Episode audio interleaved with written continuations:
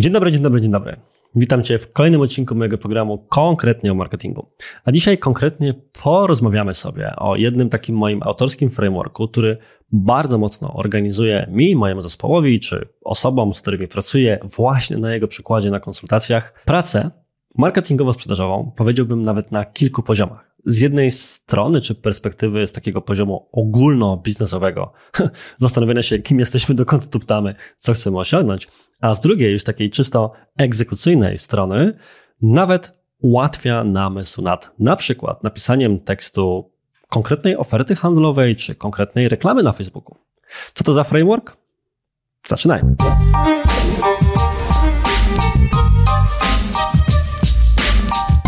Framework, o którym powiedziałem Ci przed wstępem, taka moja autorska formuła, ale jeżeli nie lubisz różnego rodzaju angielskich określników na tego typu rzeczy, to zadawanie sobie czterech bardzo prostych pytań. Natomiast jak na pewno się domyślasz, to, że te pytania są proste, nie oznacza, że odpowiedzi na nie są łatwe. Zresztą mam takie wrażenie, że w ogóle marketing czy sprzedaż to jest zastanawianie się właśnie nad jakimiś prostymi pytaniami, na które nie ma łatwych odpowiedzi i to w kółko i wymyślając coraz to nowsze potencjalne hipotezy, jaka powinna być ta właściwa odpowiedź na dane pytanie. Ale to było totalnie obok głównego wątku. Zacznijmy od tego, że wymienię Ci te wszystkie cztery pytania, a następnie będziemy sobie wyjaśniali, jak należy zabrać się za odpowiadanie na każde z nich i co w zasadzie się kryje pod tym pytaniem, które samo w sobie jest całkiem proste. Te cztery pytania to: dlaczego to, dlaczego ty, dlaczego teraz i dlaczego nie? Jak widzisz więc, kiedy mówię, że jest to taka moja autorska formuła czy framework, to mówię to nieprzypadkowo, ponieważ jest bardzo łatwo zapamiętać tego typu ciąg pytań i z tego też powodu może być Ci łatwo, będąc w tej chwili po drugiej stronie tego szkiełka, do którego mówię, zbagatelizować je jako potencjalnie zbyt proste, żeby mogły pociągnąć Twoją firmę czy Twoje działania marketingowe bądź sprzedażowe w jakikolwiek sposób do przodu. Mam nadzieję jednak, że dasz się przekonać, kiedy zaczniemy je wszystkie omawiać, że znajduje się tam pewna mądrość, która może Ci faktycznie pomóc. Przejdźmy więc wobec tego przez nie wszystkie po kolei. Pierwsze pytanie to pytanie, dlaczego to? I to pytanie de facto zadajemy dokładnie w taki sposób, żeby zastanowić się na jego podstawie nad tym, czy klient w ogóle potrzebuje, albo szuka w danym momencie, albo rozumie rozwiązanie czy produkt. Kiedyś Ukułem sobie takie stwierdzenie, jeszcze upraszczając sprawę na potrzeby naszej dzisiejszej dyskusji, że na najbardziej ogólnym poziomie marketing to de facto dwa rodzaje działań. Jest to albo przekonywanie przekonanych, albo przekonywanie nieprzekonanych. I co przez to rozumiem? Kim są obie te grupy? Przekonani to osoby, które są już świadome, że mają jakiś problem, szukają jego rozwiązania, mają kilka pomysłów na to, co może być tym rozwiązaniem, i teraz są na tym ostatnim etapie decyzji zakupowej, gdzie trzeba już się zdecydować na przykład na konkretnego dostawcę albo na konkretny produkt, który dane rozwiązanie ma po prostu pomóc rozwiązać. Dany problem ma pomóc rozwiązać. Na przykład jesteś sklepem internetowym, który chce zwiększyć sprzedaż, rozumie, że nie powinien próbować zrobić tego samodzielnie, stwierdza, że rozwiązaniem będzie zewnętrzny dostawca, na przykład agencja marketingowa, i teraz zastanawia się nad tym, jaką agencję marketingową wybrać i czym się kierować przy wyborze, jakie kryteria decyzyjne odnieść do tak ważnej decyzji. I jakby się nad tym zastanowić, to pewnie większość marketingu czy działań sprzedażowych, z którymi się stykasz, to właśnie działania typu przekonywanie przekonanych. Widzisz więc reklamę, która zachęca cię do konkretnego modelu butów z uwagi na jakąś listę korzyści czy cech danego obuwia. Widzisz oferty różnego rodzaju dostawców czy rozwiązań, którzy próbują cię zachęcić, tłumacząc, w czym są lepsi od potencjalnej konkurencji i tak. Natomiast jest jeszcze ta druga część marketingu, która, jak pewnie się domyślasz, odnosi się do tych wcześniejszych etapów podejmowania decyzji zakupowej. I to jest to, co ja nazywam w skrócie przekonywaniem nieprzekonanych. Czyli osób, które może już nawet, choć nie zawsze, wiedzą, że mają jakiś konkretny problem, albo że ten problem w ogóle może ich dotyczyć, ale jeszcze nawet nie bardzo wiedzą, w jaki sposób zabrać się za jego rozwiązywanie, albo na przykład są dopiero na etapie poszukiwania rozwiązań, czyli zastanowienia się w zasadzie, jak danym problemem się zmierzyć. I to wszystko cofa nas do jednej książki i postaci, które są w zasadzie podstawą nowoczesnego marketingu. I mówimy tu oczywiście o Kotlerze i jego marketingu. Publikacji tak grubej i tak ciężkiej, że można by nią było zabić, ale świetnie prezentuje się na półce każdego marketera i chyba wszyscy ją mają. Natomiast mam takie wrażenie, że nie każdy tam zagląda. Natomiast mówiąc o jednym z ważniejszych przekazów pana Kotlera. Kotler opisuje proces podejmowania decyzji zakupowej konsumenta jako proces złożony z pięciu kroków. Tymi krokami są po kolei rozpoznanie problemu, poszukiwanie informacji, ewaluacja alternatyw, jak można to ładnie przetłumaczyć, decyzja zakupowa oraz tak zwane zachowania po zakupie, czyli wszystko to, co dzieje się już na przykład na etapie onboardingu w kontekście jakiegoś rozwiązania, czy samego doświadczenia ze strony obsługi klienta z danym produktem. I to bardzo mocno odpowiada temu, co powiedzieliśmy sobie przed chwilą w kontekście właśnie hmm, przekonanych i nieprzekonanych. Nieprzekonani to właśnie ci, którzy muszą sobie uświadomić, że mają jakiś problem, na przykład, że sprzedaż w sklepie internetowym nie rośnie, zaczynają poszukiwać informacji z tym związanych, dlaczego tak jest, co się może stać, co powinienem zmienić, co mam wdrożyć. Następnie odnajdują kilka potencjalnych rozwiązań i zaczyna się wspomniana kotlerowska ewolucja, ewaluacja, przepraszam, alternatyw, czyli zastanawianie się, hmm, to może powinienem zrobić coś sam, albo powinienem kogoś do tego zatrudnić, albo zlecić to komuś na zewnątrz.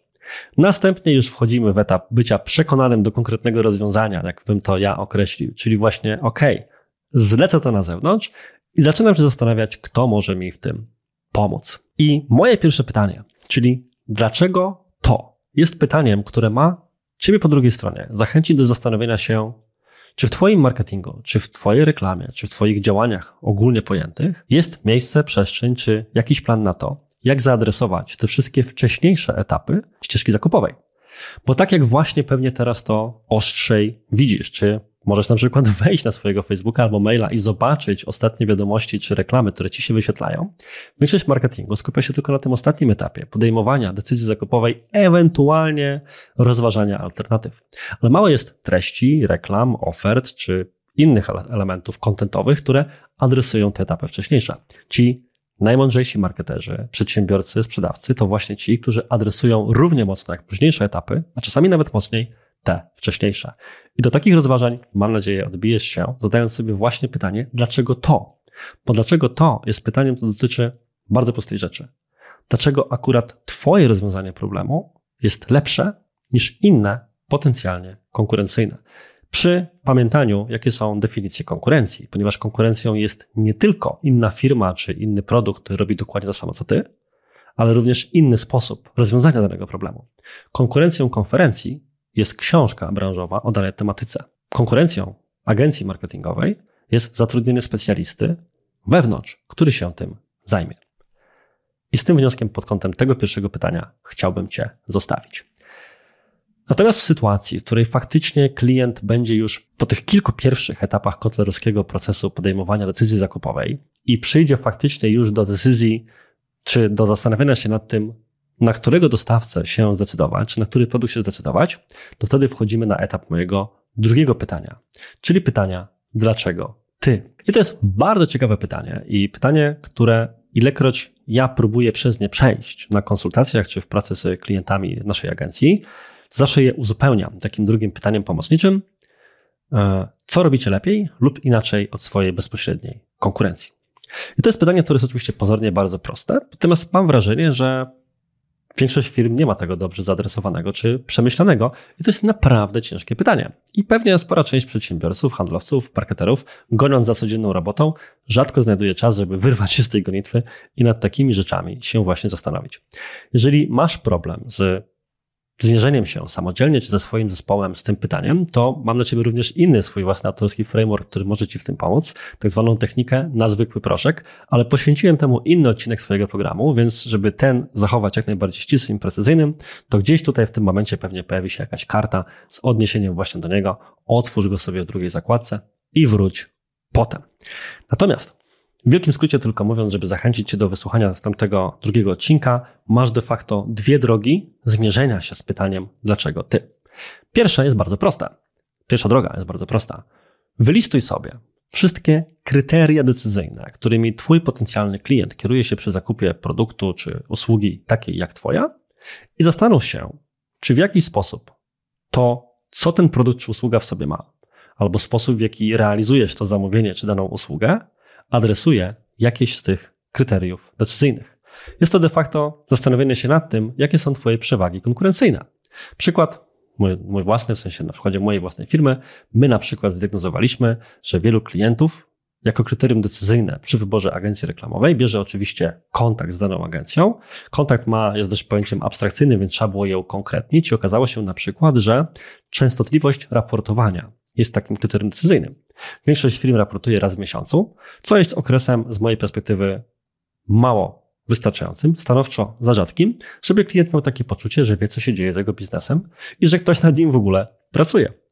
W związku z tym, my jako element tego, co robimy inaczej, bo nie twierdzę, że lepiej, ale tego, co robimy inaczej od konkurencji, jest to, że my raportujemy co tydzień. Takich aspektów właśnie poszukać, ponieważ to one będą później elementami na przykład kopii w Twojej ofercie, na Twojej stronie internetowej, czy jakąś taką ważną przewagą, cechą Waszej usługi, którą będziecie wtłaczać każdemu pracownikowi w ramach onboardingu. Drugą metodą natomiast jest wymyślenie sobie właśnie takiego zwykłego proszku. Przypomnij sobie, jeżeli oczywiście pamiętasz, jak wyglądały reklamy w latach 90. i czemu służyła tam figura zwykłego proszku. Nie zdradzając zbyt wiele, powiem tylko tyle. Zawsze było to pewne wyobrażenie absolutnej przeciętności. A przecież każdy przedsiębiorca tworzy firmy bądź produkty po to, żeby były ponadprzeciętne i lepsze od pewnego standardu rynkowego, z którym się do tej pory stykał. Najłatwiej myśli się i podejmuje decyzję przez odniesienie do czegoś innego. Ba, przecież nawet jest tak, że rzeczywiście na czymś nie znamy, to oceniamy to, czego nie znamy, przez pryzmat tego, na czym się znamy. Jeżeli nie wiesz, czy firma jest dobra, to najczęściej patrzysz na jej stronę internetową i mówisz sobie, hmm, ładnie zaprojektowana, szybko odpowiadają na wiadomości, to pewnie i usługa jest wysokiej jakości. I mimo, że na poziomie już później analizy każdy z nas wie, że to po prostu tak nie działa i co innego pierwszy ten wątek, a co innego ten drugi, natomiast łatwo jest na taką, taki błąd poznawczy samego siebie wystawić. I wątek ze zwykłym proszkiem jest również swego rodzaju błędem poznawczym, ale to już odsyłam cię do tamtego odcinka, żebyś właśnie na tej podstawie był w stanie odpowiedzieć sobie na pytanie numer dwa, czyli dlaczego ty. Idąc więc dalej. Pozostało nam pytanie numer trzy. Pytanie dlaczego teraz? To pytanie jest z mojej perspektywy szczególnie istotne, ponieważ większość komunikacji sprzedażowej odpowiada na bardzo proste pytanie. Dlaczego klient miałby tę rzecz czy tę usługę kupić? I to oczywiście jest niesamowite pytanie. Mam wrażenie, chodząc po mieście, oglądając jakieś billboardy na płotach, że niektórzy sobie tego e, nie zadają. Po prostu nastawiają się na szczucie cycem, czy jakiekolwiek inne takie banialuki reklamowe, które cały czas się na rynku niestety spotyka. Natomiast jeżeli już sobie zadamy to pytanie, dlaczego klient miałby daną rzecz, daną usługę kupić, jesteśmy o krok bliżej tego, jak powinniśmy się reklamować, ale dodałbym do tak postawionego pytania właśnie ten jeden komponent, tę ostatnią cegiełkę, dlaczego klient miałby to kupić teraz. I teraz, czemu to jest ważne? Ponieważ o ile nie sprzedajemy czegoś, co jest po prostu niezbędne, to każdą decyzję zakupową da się odwlec w czasie i stwierdzić, że hmm, no faktycznie przydałoby się, ale może nie teraz. Dajmy na to, decydujesz się, czy myślisz o tym, żeby zacząć tworzyć kanał na YouTubie. Pomogłoby w biznesie? Pomogłoby. Przydałoby się? Przydałoby się. Ale czy musisz to robić teraz? No niekoniecznie. Dlatego właśnie sama lista argumentów za niekoniecznie ci wystarczy. Potrzebujesz jeszcze innej listy argumentów, dlaczego akurat teraz. W sklepie internetowym jest to rzecz dość prosta do zaadresowania i pewnie teraz zaczynasz łączyć sobie kropki, jak to przeważnie wygląda. W sklepach internetowych na przykład dlatego prowadzi się politykę rabatową, konkretne akcje wyprzedażowe, konkretne limitowane edycje, które sprawiają na przykład, że albo kupisz coś teraz, albo już za chwilę danej edycji nie będzie. Sam niedawno w jednym sklepie, żeby tu nikogo nie reklamować, chciałem kupić sobie kolekcję, tak chyba można powiedzieć, porcelany czy zastawy stołowej inspirowanej pewnym malarzem. No i co? Okazało się, że tak mówię, e, pewnie jakaś ściema z tą limitowaną edycją. Okazało się, że nie była. I teraz tej kolekcji już sobie nie skompletuję, więc moje wewnętrzne serduszko kolekcjonera płacze. Natomiast miałem powiedziane wprost, że edycja jest limitowana i powinno mnie to było odpowiednio wcześniej zmotywować do zakupu. W przypadku usług, czy generalnie firm B2B o takie elementy jest już dużo trudniej, ale zadaniem dla Ciebie po tym odcinku jest właśnie usiąść ze swoim zespołem i zastanowić się, jaką możemy skonstruować listę argumentów, nie tylko odpowiadających na pytanie, dlaczego klient miałby to kupić, ale dlaczego miałby to kupić teraz. I wreszcie pytanie numer cztery, ostatnie. Dlaczego nie? Ponieważ równie ważnym pytaniem, jak to, dlaczego klient miałby to kupić, jest pytanie odwrotne. Dlaczego nie miałby tego kupić? Bo to pytanie doprowadzi nas, jeżeli dobrze będziemy się nad nim zastanawiali, do listy obiekcji potencjalnego klienta. co mu przeszkadza w sposobie komunikacji czy realizacji przez nas danej usługi, co mu się nie podoba w produkcie, w jego cechach czy opisie. Oczywiście, jeżeli głębiej pogrzebiemy w badaniach na temat tego, jak wyglądają decyzje zakupowe, zwłaszcza takie w B2B, to szybko się okaże, że im, mówiąc kolokwialnie, większej wartości deale, tym obiekcje i ich adresowanie w rozmowie handlowej czy w materiałach marketingowych traci na znaczeniu. Są to na przykład badania cytowane obszernie w takiej książce Spin Selling, którą swoją drogą gorąco polecam. Natomiast, mimo wszystko, jeżeli nawet zrobimy czysto roboczo takie ćwiczenie, to będzie nam łatwiej przygotować później odpowiednią komunikację reklamową. Sam ostatnio na przykład scrollując Facebooka widziałem świetną reklamę jednej palarni kawy, która zaczynała się od bardzo ciekawego pytania. Dlaczego kawa specialty jest i musi być taka droga? I to jest dobrze postawione pytanie, ponieważ jest to pytanie wprost adresujące obiekcję potencjalnego klienta. Czyli ktoś patrzy na taką kawę, jest przyzwyczajony płacić, nie wiem, kilkanaście do 20 zł za kawę w jakimś, jakiejś sieciówce, a tu ktoś mu oferuje kawę za 50 zł za 250 gram. I pierwsza reakcja jest, dlaczego tak cholernie drogo? I ta reklama zrozumiała tę obiekcję, odpowiedziała sobie na pytanie, dlaczego nie, i zaczęła ją adresować. I oczywiście nie przekona to wszystkich, bo też nie wszyscy mają dokładnie takie same obiekcje i dokładnie takie same kontrargumenty na nich nie działają. Ale na pewno warto to spróbować i przemycić później swojej komunikacji w ofertach handlowych, w rozmowach, na landing page'ach, w kopii właśnie, tak jak wspomniałem, reklamie na Facebooku i wszędzie indziej. I to konkluduje nasze cztery pytania. Podsumowując je, dlaczego to, dlaczego ty, dlaczego teraz, dlaczego nie? Jak widzisz, proste, dwuwyrazowe de facto cztery pytania, a można na ich podstawie rozpocząć naprawdę rzeczową i pogłębioną dyskusję na temat tego, co realnie sprzedajemy, do kogo, dlaczego akurat w taki sposób i dlaczego akurat teraz też miałbyś się na to zdecydować. Twoim zadaniem domowym jest więc przejść to samodzielnie albo z własnym zespołem. Podziel się być może jakimiś swoimi refleksjami w komentarzu, jeżeli masz na to ochotę i do jakichś pomysłów Cię to zaprowadzi. A na dziś to wszystko. Zapraszam Cię bardzo serdecznie do wysłuchania bądź obejrzenia również kolejnych odcinkach, kolejnych tygodniach i do zobaczenia oraz cześć!